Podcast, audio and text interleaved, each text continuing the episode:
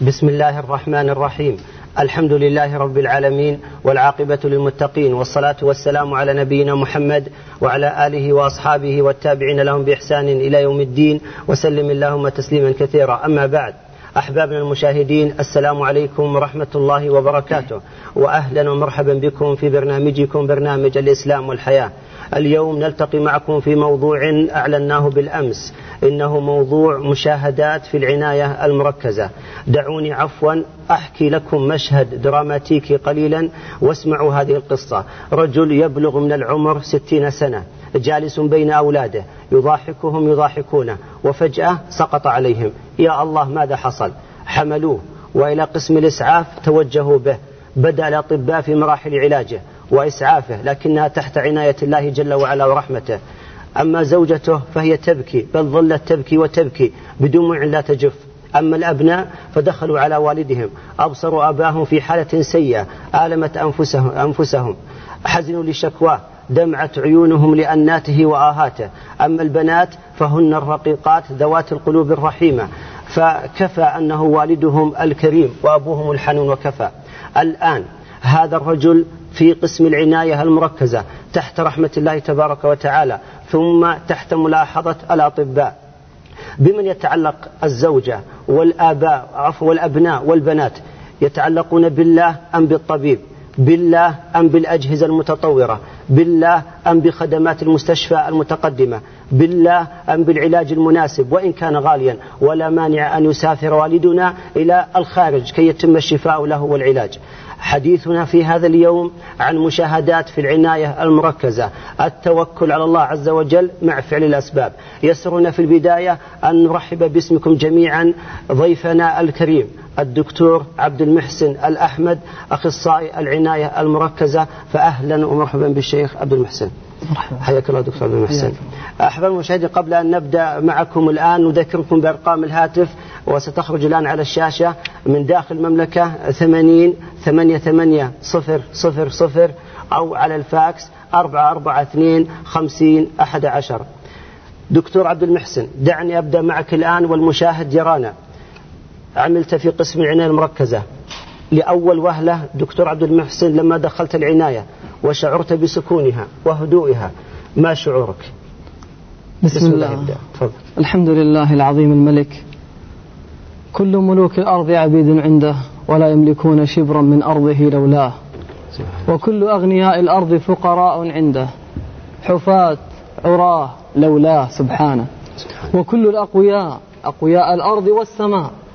ضعفاء عند الله وما حرك مفاصلهم إلا. كل منا كان نطفة أصغر من أن ترى من سواه. ثم كان قطر الدم علقة متعلقة في الرحم. من أوصل له دماء؟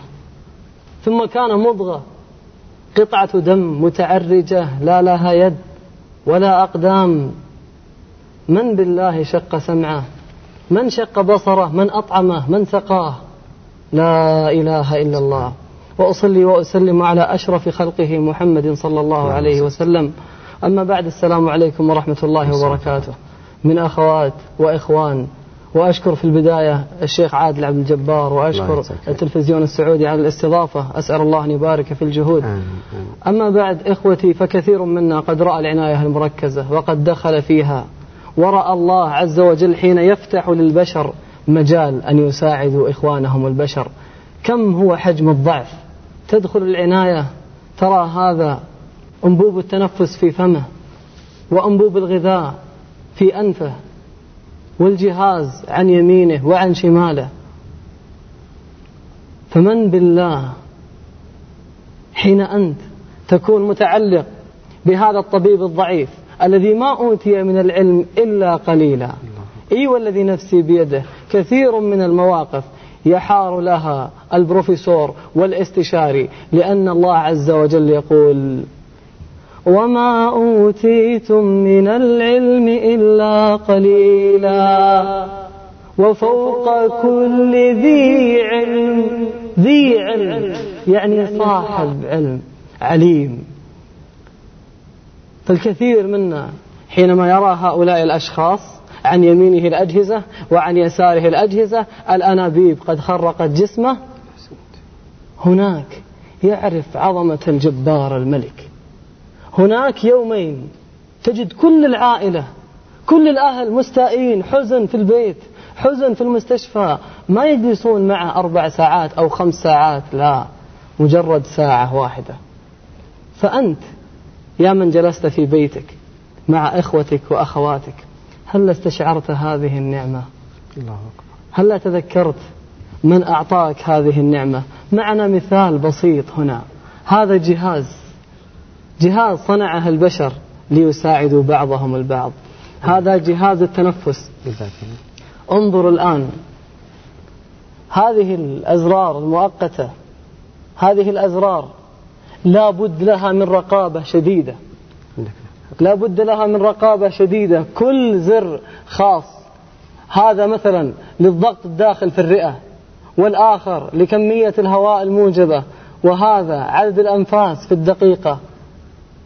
لو أتى بالله طفل والجهاز قد وضع على المريض وحرك هذا الزر ما الذي سيحصل قد يموت هذا المريض. هذا مدة الشهيق. طيب إخوتي بعد التأمل في هذا الجهاز أسألك بالله من الذي نظم لك وضبط لك مدة الشهيق حينما تكون نائم تقل حينما تسرع تزيد معك؟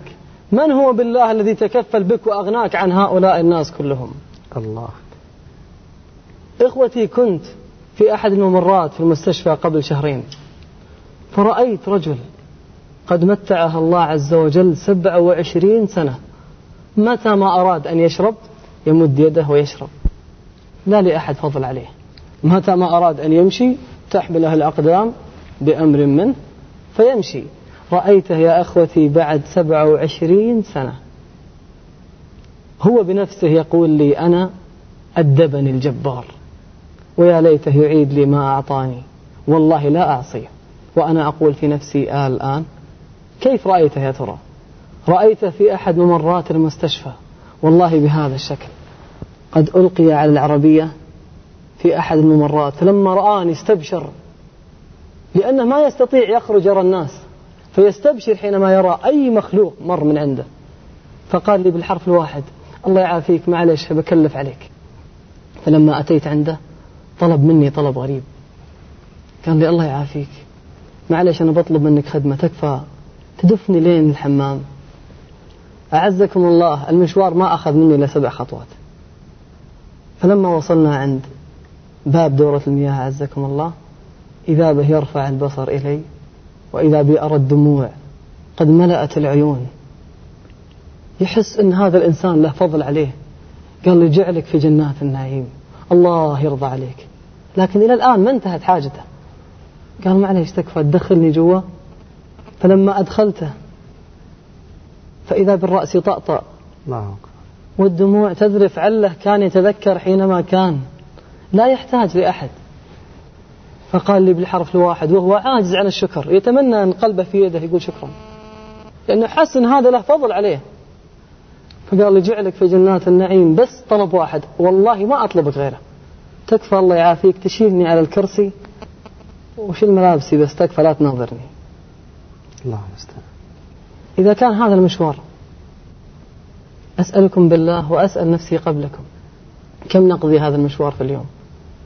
أربع خمس مرات أكثر أقل من منا في يوم واحد حينما حملته قدماه هو وفتح الباب بيديه هو وأغلقه بلا فضل من أحد ثم جلس ونزع ملابسه بنفسه. وانتهى من قضاء حاجته خرج عند الباب استشعر منة المنان سبحانه الذي فضل على كثير من العالمين. ما هي سبع خطوات؟ عشرين سنة من حركك. أحسنت. وقال اللهم لك الحمد أن فضلتني على كثير من العالمين. دكتور عبد المحسن أعتذر إليك والمشاهد يرانا الآن بعد هذا الكلام الجميل حقيقة الماتع. شيخ عبد المحسن لماذا الإنسان يعصي الله عز وجل؟ وهو من هو أصلا؟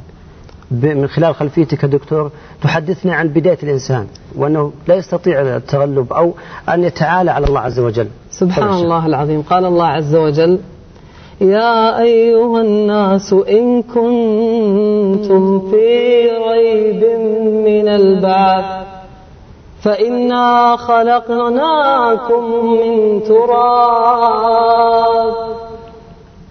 نسينا. كنا تراب. هل رأيت التراب الذي تمشي عليه؟ والله هو أصلك. ثم كنت نطفة قطرة ماء مهين تزال من الثياب. وبعدها جبار السماوات والأرض جعل لك القرار المكين. الله ثم أصبحت علقة. قطرة دم متعلقة في الرحم. والله لو اجتمع الإنس والجن بعلمائهم وخبرائهم على أن يخلقوا لك شعرة. شعرة ما هو كذا؟ تغسل 36 مرة في اليوم ولا قلب ينبض 115 ألف نبضة في اليوم لا. والله ما استطاعوا أن يعطوك شعرة. بعدها كنت مضغة. قطعة دم متعرجة لا لها أيدي ولا أقدام ولا عين ولا قلب. وجعل لكم السمع والأبصار والأفئدة ليه حتى يخرج الإنسان يقول لا تدقق يا أخي وسع صدرك. لا لعلكم تشكرون. انظر هذا المخلوق العجيب. من هو يا ترى؟ كذا كذا. ما هذا المخلوق؟ على الكاميرا هذه. من هو هذا المخلوق؟ هل ترى له أي ملامح تعجبك؟ هل ترى له أي جاذبية؟ ما أضعفه. ثم بعدها يمن عليك الجبار سبحانه. كنت هكذا. قتل الإنسان ما أكثره من أي شيء خلقه؟ من نطفة خلقه فقدره. ثم بعدها يمن عليك. بعد شهر تكون مثل بهذه المرحلة. أمك من تحملك لا تعلم أنك بهذا الشكل. من يطعمك؟ من يسقيك؟ الله أكبر. والله كل منا مر في هذه المرحلة. بعدها أنظر الضعف. انظر ما أضعفه بعد شهرين. لو يشاء الله عز وجل أنقص يد فخرجت بلا يدي سبحان الله. بعدها انظر وتأمل معي قول الله عز وجل. انظر, انظر. ويخلقكم في بطون أمهاتكم خلقا من بعد خلق. في ظلمات ثلاث. انظر الظلمات. من يراك؟ من رآك هنا؟ الله عز وجل ما أعظمه وبعدها تسعة أشهر وهو يرعاك. انظر هذا الشكل بالله عليك. الله. انظر هذا الشكل بالله عليك. والله مررت بهذه المرحلة. لو يشاء الله عز وجل ما شق هذه العينين. فخرجت أعمى لو يشاء الله ما شق هذه الأذنين. لأجل هذا قال الجبار سبحانه أن الإنسان إن الإنسان ليطغى. متى؟ إذا شله الجبار؟ لا. هل رأيت أعمى متكبر؟ هل رأيت إنسان معاق وشايف نفسه على الناس؟ لا. متى؟ إن الإنسان ليطغى. أن رآه استغنى يوم حركه الجبار وأعاق الملايين يوم جعله يبصر وغيره خمسين سنة مع أهله. ما يعرف شكل ولا واحد في البيت. أثاث ما يهمه الأثاث. لأنه ما يراه. يسمع الناس يتكلمون عن الشمس ما يعرف ما شكل الشمس. ما يعرف ابنه أسود أبيض أحمر يتلمس في أبنائه. والآخر يأتينا في المستشفى يراجع ثلاثين سنة. ثلاثين سنة ما سمع حرف. في حياته كلها. يجلس مع أهله. يرى الشفاه تتحرك. فجأة يضحكون. لكن هو ما يضحك. لا يدري. لأنه ما يدري ما الذي أضحكهم أساسا. يرى أهله يطالعون التلفاز خطبة جمعة أو محاضر ثم تنزل دمعة أخته. ينظر إليها لكن هو ما يبكي. لأنه ما يدري ما الذي أبكاه فيا أيها الإنسان ما غرك بربك الكريم؟ دكتور عبد المحسن. خلقك. تأذن لي أقاطعك ولا يغضب علي يا أخي المشاهد لكن حقيقة دعني أسألك سؤال بخضم هذه الأمور. لما الإنسان يصل لهذا الحد وهذه النعمة ودقة المستشفيات ودقة أجهزة العناية المركزة دكتور عبد المحسن ما لو حصل لا سمح الله في أثناء الحمل أي غلطة أو أي تناول أي علاج؟ وقد سبب في الخلقة. ممكن تنبهنا على بعض الصور الموجودة لديكم في تمام خلق الله عز وجل؟ سبحانه ما أعظمه. سبحانه ما أكرمه. طبعا الصور التي سوف أعرضها الآن الكثير منا لن يتخيل ولن يتصور أنها صور حقيقية لأناس. يعني ربما لا لا تصدق. ربما لا تصدق. لكن أي والذي نفسي بيده إنها حقيقة وفي الكتب العلمية. وها هو هذا المخلوق. هل تظن لو كان هذا المخلوق تخيل أن هذا المخلوق يمشي من بيننا؟ لابس شماغ أو كانت فتاة هل بالله ستكشف وجهها؟ أنا أقول يا شيخ يرى المشاهد الآن فلنحمد الله. نحمد الله على نعمة الصحة وعلى نعمة الخلق الحسن. أليس كذلك يا دكتور محسن؟ لأجل هذا ترى بعض الناس يتجزع. يقول والله بنتي جت سمرة أو بنتي جت أحمد الله عز وجل. انظر العين حينما ينقص الله عز وجل الله سبحانه وتعالى يقول إنا كل شيء خلقناه بقدر. فأي خلل في الكروموسومات. انظر ما الذي يحصل. عين واحدة في النصف. الأنف فوق العين. تخيل أن هذه البنت الآن تخرج. هل ستلبس العباية على الكتف وتتمخطر في الأسواق؟ هل بهذا الشكل سوف تكشف وجهها؟ لماذا يا أخوتي؟ لماذا يا أخواتي بالأخص حينما؟ والله لو كان في وجه إحدانا عاهة أو كانت عورة أو كانت فيها حول تكشف عينها تستحي يا شيخ تستحي. كثير ولا تستطيع. لأجل هذا بنعم الله صرنا نعصيه نتجه إلى الصورة الثانية دكتور معنا يعني بعض المواقف. وهذه الصورة أخرى. انظر هذا المخلوق. أعطاه الله عز وجل جميع الأعضاء لكن بلا دماغ. فانظر الشعر هنا. لاحظ الشعر أخي المشاهد لاحظ الشعر الآن بجانب أصبع الدكتور عبد المحسن. تفضل. تعلق يا شيخ. طيب لماذا إذا رزقنا بولد صالح تجدنا نشكر الدكتور ونشكر كل من قائم وجزاكم الله خير. وما قصرتوا. وأنتم والله نعجز عن الشكر. لماذا هذه الكلمات لا تصعد إلى الملك الجبار؟ الذي والله لولاه لما خرج لك قد يخرج بلا لك بلا أيدي أو يخرج لك بلا أقدام أو يخرج لك والله كما رأيت قبل أشهر في المستشفى. فتاة أعطاها الله عز وجل جميع الأطراف. حتى إذا وصل للمنطقة هذه أعطاها نصف شفة والأنف فتحة واحدة. عين واحدة كبيرة. والأخرى والله يا أخوة خط وفيه أربع رموش.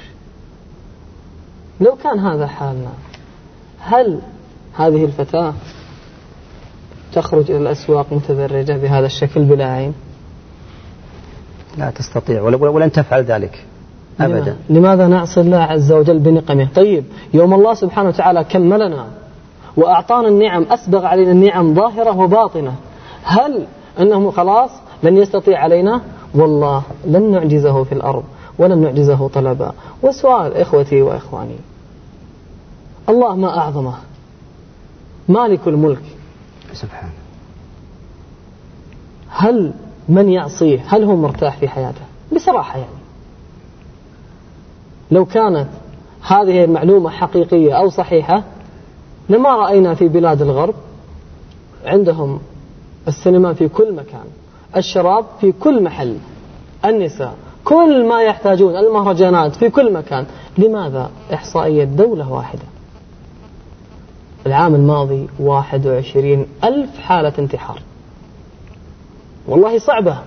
إذا كان كل هذه متوفرة جميع الأشياء عندهم دكتور عبد المحسن. الصحة والعافية والآلات اللهو والدنيا بزخرفها بين يديهم ومع ذلك استوجد حالات الانتحار. طيب لماذا؟ الآن بعيدين عن لا يكون الواحد مغفل حتى يموت. قف مع نفسك عشر دقائق. بعدها إذا أردت أن تعود إلى سباتك عد. ما دام الأشياء هذه كلها عندهم ومع ذلك في ضنك طرب السمع بأنواع الغنى ثم زاد الهم وتعاطى الخمر ما استراح؟ وراح يعبث في النساء. ثم زاد الهم. مل من دنياه قرر وانتحر. يحسب المسكين راحته الممات. طيب إخوتي الله عز وجل عظيم هو الذي خلقنا. ألا يعلم من خلق وهو اللطيف الخبير.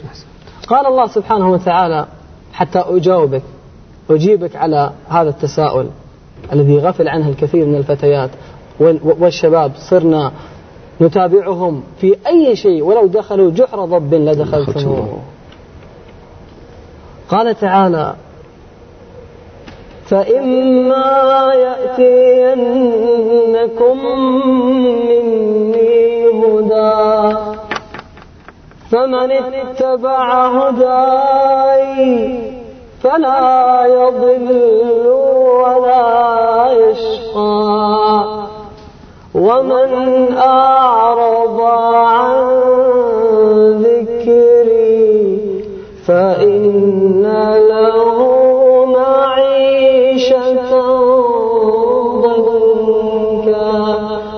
ما نحتاج إثبات لأنها أمامنا الآن. 21 حلف ألف حالة انتحار. ونحن نرى من شبابنا ممن تأثروا بهم تجده يروح ويدور ويجوب الشوارع والطرق. بعدها يقول لك الرياض هذه كلها ما فيها راحة. بعدها يسافر يمل يقول والله اشتقنا للرياض. فتجده في هذه الدوامة حتى يموت. فوالله صعبة أن ما نرتاح فوق الأرض ولا تحت الأرض ولا يوم العرض. أستاذن الدكتور عبد المحسن الأحمد بعد هذا الكلام الماتع الجميل الرائع جدا معنا مداخلة نتمناها بكل حق. معنا على الهواء مباشرة أحبابنا المشاهدين الداعية المعروف الشيخ صالح الحمودي. السلام عليكم. عليكم السلام حياكم الله حي... حياك الله شيخ صالح. حياك الله دكتور المحسن. معنا في الاستديو الدكتور عبد المحسن الأحمد في عنوان جديد مشاهدات في عناية مركزة حياك الله دكتور مساء الخيرات. حياك الله. الشيخ صالح المشاهدين يتشوقون ليس إلى سماع صوتك بل إلى لقياك ومشاهدتك. والله ونتمنى أن يكون ذلك قريبا. قل إن شاء الله يا شيخ. إن شاء الله قريبا إن شاء الله. تفضل مداخلتك تفضل. آه أولا الحقيقة من الأسماء التي نحبها الدكتور عبد المحسن والشيخ عادل عبد الجبار. نفع الله بكم الإسلام والمسلمين. اللهم وأسأل الله أن يسبغ على الجميع الصحة والعافية. اللهم. وحقيقة هذه رسالة وجهها إلى أهل الصحة والعافية. وأنقل الجميع حقيقة على الهواء مباشرة لنزور إخواننا إلى نزور إخواننا هناك في مستشفى النقاهة. وحقيقة هناك لنا إخوان في مستشفى النقاهة. آه، يتمنون أن نزورهم ونزورهم الآن بأفكارنا. وهذا المستشفى ينقسم إلى قسمين. قسم شلل نصفي والقسم الآخر شلل تام. نسأل الله أن يؤجرهم وأن يرفع ما بهم من البلاء. وفي الحقيقة زرت هذا المستشفى ونحن الآن بأفكارنا. وإخوان المشاهدين نزورهم الآن والقسم الثاني الشلل التام. إخوان هناك نسأل الله العافية. أحدهم لا يتحرك من جسمه إلا رأسه. تصوروا يا أخوان الجرس عند رأس أحدهم. نعم إذا أراد أن يستدعي الممرض أو الممرضة يضغط الجرس بأسنانه. ماذا يريد؟ يريد أن يهش الذبان عن وجهه أو يريد أن يوخر الشرشف عن وجهه. تصوروا الإنسان بهذا الضعف. وهؤلاء المرضى الذين في هذا القسم الشلل التام محفظين كالأطفال عزكم الله. الله المستعان. نسأل الله, الله العافية. لا يتحكم فيما يخرج منه. الغذاء عن طريق أنبوب. نعم موصل من طريق الأنف إلى المعدة ويطحن الرز والفواكه وعن طريق إبرة. يطحن هذا الأغذية ثم يسكب هذا الغذاء الشيخ صالح يأكلون. سم. أسأل الله أن يشفيهم ويعافيهم. آمين. الشيخ صالح الفئات العمرية لمستشفى النقاهة ممكن تحدثونا عنهم يا شيخ؟ الحقيقة المرضى هناك بعضهم نسأل الله العافية له عشر سنوات على فراش المرض. الله المستعان وبعضهم عمره نسأل الله 18 سنة وذلك بسبب حادث. نسأل الله العافية. الشاهد من الكلام أقول أن هؤلاء المرضى يعني من يراهم يعني يعرف نعمة الصحة والعافية. بعضهم لا يستطيع أن يمشي شبرا ولا أن يتحرك. ولكن أقول في هذه العجالة ينبغي للمسلم إذا سمع هذه الكلمات أن يستغل صحته وعافيته. لأن النبي صلى الله عليه وسلم يقول اغتنم خمسا قبل خمس. نعم نغتنم الصحة قبل المرض. هؤلاء المرضى يتمنى أحدهم أن يذهب إلى المستشفى أن يذهب إلى المسجد. ليصلي مع المسلمين. فأقول لإخوان المشاهدين جميعا أقول اغتنموا العافية. والله وبالله وتالله إن هذه العافية نعمة لا تقدر بثمن. ولذلك يقول أحد السلف ذقت أطيب الطيبات ولم أجد أطيب من العافية. فالعافية حقيقة ينبغي أن تستغل. والعافية كما قال أهل العلم عافيتان. عافية الجسد وعافية الدين. نعم عافية الدين طبعا أهم من عافية الجسد. أحسنت يا شيخ ربما إنسان عنده فشل كلوي وإذا صبر ونحن نقول لكل مريض الله الله أن تصبروا والله يقول وبشر الصابرين الله. ولكن المشكلة إذا أصيب الإنسان وأصبح عنده فشل في الإيمان فشل في دينه عنده سرطان في الدين فهذا الإنسان ينبغي أن يراجع حساباته وينبغي أن يتوب وأن يصلح قلبه وأن يجتهد في طاعة الله جل وعلا أحسن ختاما لا أطيل سم يا شيخ معك. شيخ عادل. سم. ولكن أقول أحث إخواني المشاهدين على دار ليس هناك فيها مرض ولا طفش ولا هم إنها دار الجنة. الله الله أن نكون جميعا اللهم آمين يا شيخ صالح. نخطط لهذه الدار. من يدخلها ينعم ولا يبأس ويخلد ولا يموت. أحسنت لا تبلى ثيابه ولا يفنى شبابه. أسأل الله في الختام آمين. أن يرزقنا الصحة والعافية آمين. وأن لا يحجبنا جميعا على طاعته. وأن يوفق. الراعي والرعية لما يحب ويرضى وأن يديم علينا أمننا وعافيتنا. وجزاكم الله خير. شكر الله لك يا شيخ صالح على هذه المداخلة الطيبة ونودعك وأنت بصحة وعافية إن شاء الله. جزاكم الله جزاك الله خير يا شيخ. ودائعه. آمين. جزاك الله خير. دكتور عبد المحسن دعنا نتجول الآن في قسم العناية المركزة. إذا أدخل هذا الآن المريض تجد القلوب كلها متعلقة بهذا الطبيب. أولا. ثانيا يا شيخ يقنطون رحمة الله. هل هناك يا دكتور عبد المحسن؟ أنفس دخلت هذه العناية وأحياها الله؟ تحدث يا شيخ. سبحانه ما أعظمه. حين يقول أمن يبدأ الخلق ثم يعيده. فمن خلقه يوم كان نطفة ويوم كان علقة؟ الذي جعل له قلب. ينبض 115 ألف نبضة. والله ما جعلها الطبيب ولا المستشفى. الذي جعل له كلى تغسل في اليوم 36 مرة والله ما جعلها إلا هو. وفوق كل هذا هو مستو على عرشه استواء يليق بجلاله وعظيم سلطانه. عنده الملائكة المدبرات أمرا حينما يقول كل يوم هو في شان. فمشكلة ونواجهها كثير أن الناس قد تقل تعلقت قلوبهم بالأطباء أو تعلقت قلوبهم بالأسباب ونسوا مسبب الأسباب سبحانه. حينما يأتي يقال لها نفتح صدرك قال أنتم أعرف. سووا اللي تبغون. ليه؟ لأنه واثق أنهم يعملون على علم وأنهم أدرى بمصلحته. طيب هذا الذي يعمل على علم من علمه؟ إذا كان الله عز وجل خلقك من تراب هل يعجز من يحيي الموتى أن يشفي المرضى؟ يعني ما أدري كيف أتصور القنوط من رحمة الله عز وجل. دكتور المحسن ما سبب هذا القنوط؟ لماذا الآن حينما يدخل الولد في حال السيارة يجلس حول خمسة أشهر يقنطون والد الوالدين؟ خلاص يعني يقول أنس ولدنا انتهى. تعليقكم دكتور محسن. سبحان الله. القنوط من رحمة الله عز وجل هذا مرض في الدين ومرض في الدنيا. فالله عز وجل لا يحب من يقنط من رحمته. هذه البلاءات والله ما جاءت إلا رحمة. منها أنه إذا أحب عبد سبحانه لا يريد أن يعلقه بالدنيا. يريد أن يرفعه. درجات. في أخرى سرمدية. القصور تجري من تحتها الأنهار. ليست كبيوتنا تجري من تحتها المجاري أعزكم الله. الشيء الثاني وهذا كثير ما يغفل عنه كثير من المرضى. تجد الله عز وجل يؤدب هذا الإنسان بطريقة محطة محطة وقوف تراجع فيها نفسك. وكثير من الناس نراهم ما يتأثر يظن أن المرض هذا شيء طبيعي ولا له أي أسباب. والله عز وجل يقول وكلا أخذنا بذنب فمن أجل هذه من أجل هذه الأسباب إخوتي التعلق والله بالله عز وجل لأني رأيت موقف بنفسي ومن المواقف كثيرة. هذا الموقف إنسان تعلق قلبه بالله عز وجل. رأيته أخوتي بعد أن حصل عنده نزيف فصار عنده جلطات في المخ. تقرير الأشعة المقطعية تقول أن في أجزاء قد ماتت من المخ. الله. فالرجل دخل يسمع ويبصر. الآن نراه لا يسمع ولا يبصر ولا يتكلم. أنبوب التنفس في فمه. في يوم من الأيام. يعني دكتور محسن متعطلة جميع الأجهزة متعطلة جميع يعني الأجهزة إلا القلب. مجرد أنه يضخ. وعلى الجهاز على نعم. فقط. وعلى جهاز التنفس في كل كنا قد وضعنا له تسع أنفاس في الدقيقة. كل دقيقة يعطيه الجهاز تسع أنفاس. فكان ما يتنفس. لو تنفس أي نفس زيادة نراها على الجهاز تظهر على الشاشة الصغيرة. فكان على هذا الحال لمدة أسابيع.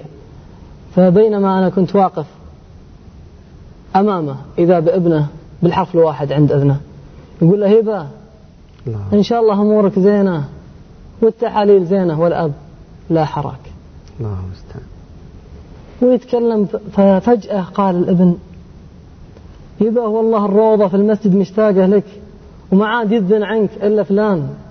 الله أكبر. والله حينما ذكرت المسجد الروضة. والروضة والأذان وأنا أنظر إليه. إذا بأنفاس ترتفع من تسع إلى 18 نفس. الله أكبر. وقالوا خالي محمد يسلم عليك فنزلت الأنفاس. سبحان الله. فأول ما خرج علمت أن هذا لا يحتاج إلى هذه الأجهزة. هذا رجل قلبه متعلق. بالله. يرفرف حول العرش. فأتيت عند أذنه يا أخوان. والله صرت أتلو عليه الآيات وأنظر إلى الجهاز. فقلت لو أنزلنا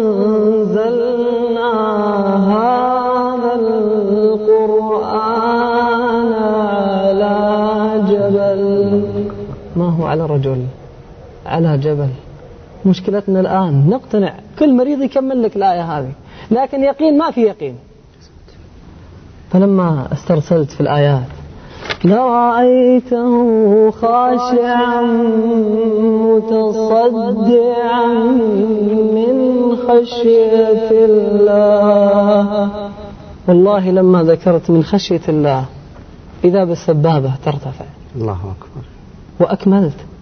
وتلك الأمثال نضربها للناس لعلهم يتفكرون. لعله يستيقظ لعله يتعلق فيما فوق العرش. قرآن لو أنزل على الجبال لحركها. ولما رأيت هذه والله ما ملكت إلا والدمعات تنزل. فلما قرأت قول الله عز وجل ويا ليت تركز معي في هذه الآيات. حين يقول من بيده ملكوت كل شيء. سبحانه جل وعلا. ولو أن قرآنا سيرت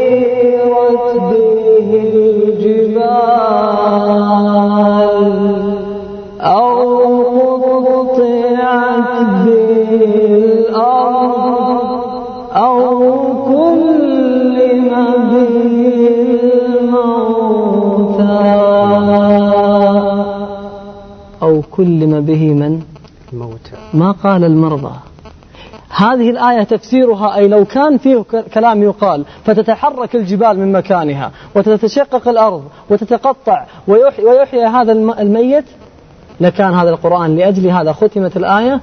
بل لله الأمر جميعا. فلما قلت بل لله الأمر جميعا والذي نفسي بيده حرك رأسه ورفع السبابة. لأن القلوب متعلقة. الذين آمنوا وتطمئن قلوبهم بذكر الله ألا بذكر الله تطمئن القلوب. وقفة دكتور عبد المحسن أخي المشاهد حقيقة كلام الله عز وجل أو الرقية الشرعية والله شفاء لكل مريض. الآن نرى بأعيننا حينما يقرأ القارئ أو صاحب الرقية الشرعية على الأطفال والله إن الأطفال ينتفعون. ذلك أن الأطفال لا يعتقدون نفع في أحد إلا الله عز وجل وهذا منتهى الفطرة. لكن يوجد بعض الناس تعلقت قلوبهم بالناس. فكبراء السن الشباب النساء تقرأ عليهم يقولون فلان أقوى نفث أقوى تعال فلان أتقى. ليس القضية بالتقى ولا بالنفث القوة أو العلاقة بالله عز وجل. فأحبابنا الكرام هذه هذا التصرف أو هذا الكلام قاله الدكتور المحسن دليل على أن الرقية الشرعية نافعة.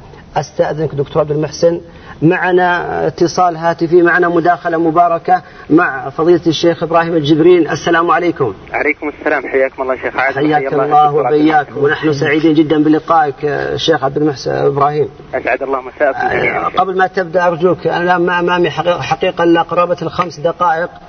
وليست لك بأكمل يا شيخ عبد إبراهيم طيب طيب. فأعطينا دقيقتين ونص والباقي نستعرض مع الدكتور. الله ما شاء الله. أقل من ذلك. آه، هذه من بركات هذا البرنامج المبارك الله ومن. جهود المسؤولين في وزارة الإعلام جميعا. شكر الله لكم أجمعين. الله يجزاك. الحمد لله والصلاة والسلام على رسول الله وبعد. سبحانك ربنا ما عبدناك حق عبادتك. سبحانك ربنا ما شكرناك حق شكرك. سبحانك ربنا ما عرفناك حق معرفتك. عجبا يا إخوان عجبا للإنسان كيف يتولى والله ينعم عليه كيف يعصي والله يرخي ستره عليه. أحد الشباب يا أيها الأحباب يا أيها الإخوة والأخوات في صحة وعافية وهذا أعرفه حقيقة. في أمان واطمئنان حصل له حادث أيها الأحباب وبعد جهد وإجراءات كبيرة أجريت له عمليتان خطيرتان. جلس بالمستشفى شهرا ثم خرج إلى بيته وجلس أيضا أشهرا يرعى ويختم. وبعد أن عاف- أن عافاه الله ماذا تظن أنه فعل؟ هل تظن أنه شكر؟ هل صلى وابتكر؟ هل هل؟ بل والله إنه رجع إلى أسوأ مما كان عليه والله المستعان. رجع إلى المعاصي والذنوب والإصرار على الخطايا والسيئات. أليس هذا إنذار يا أحباب من الله؟ أليس هذا تنبيه؟ أليس هذا تنبيه للغافلين؟ أي يا غافل يا من أنعم الله عليك انتبه فإن هذه هذه إشارة وهذه علامات لما يأتي بعدها. قد من الله عليه سبحانه وتعالى وأعطاه وعافاه. آه، الشيخ إبراهيم آه، انقطع الاتصال. نعم يا شيخ نعم. آه، شيخ إبراهيم الوقت والله يداهم نحتف لأن نعتذر إليك آه، أختم أختم تفضل. أحسن الله عليك شيخ. عادل. أختم كلامي هذا بأننا ما سبب والله هذا وهذا الجحود كله بما أنعم الله علينا به إلا والله طول الأمل. يوم أن يأتي طول الأمل إلى الإنسان يوم يأتي الأمن والأمان يوم يأتي أمن مكر الله سبحانه وتعالى والغنى يأتي هذا الجحود. يا من بدنياه اشتغل وغره طول الأمل. الموت يأتي فجأة والقبر صندوق العمل فلنعد إلى الله جميعا ونشكر نعمه علينا فإن الله سبحانه وتعالى يزيد ويعطي من شكره ويحرم من عصاه وتجبر عليه الله أسأل أن يوفق الجميع. إلى صحة. وعافية وحسن ختام أحسنت شيخ إبراهيم. على هذه المداخلة الطيبة أحبابنا المشاهدين دقائق الحلقة 40 دقيقة قد انتهت ونعيدكم إن شاء الله بحلقات قادمة مع الدكتور عبد المحسن الأحمد في إن شاء الله قصص لا أنساها. نعيدكم إن شاء الله. لا يفوتنا في ختام هذه الحلقة أن نشكر باسمكم جميعا الدكتور عبد المحسن الأحمد على المشاركة. كما لا يفوتنا أن نشكر من المتابعة الأستاذ سليمان العيدي ومن لغة الإشارة الأستاذ أحمد الزهراني. وكما لا ننسى أن نشكر المخرج الأستاذ مساعد الشيباني ويتجدد اللقاء بكم إن شاء الله في حلقات قادمة. والسلام عليكم ورحمة الله وبركاته.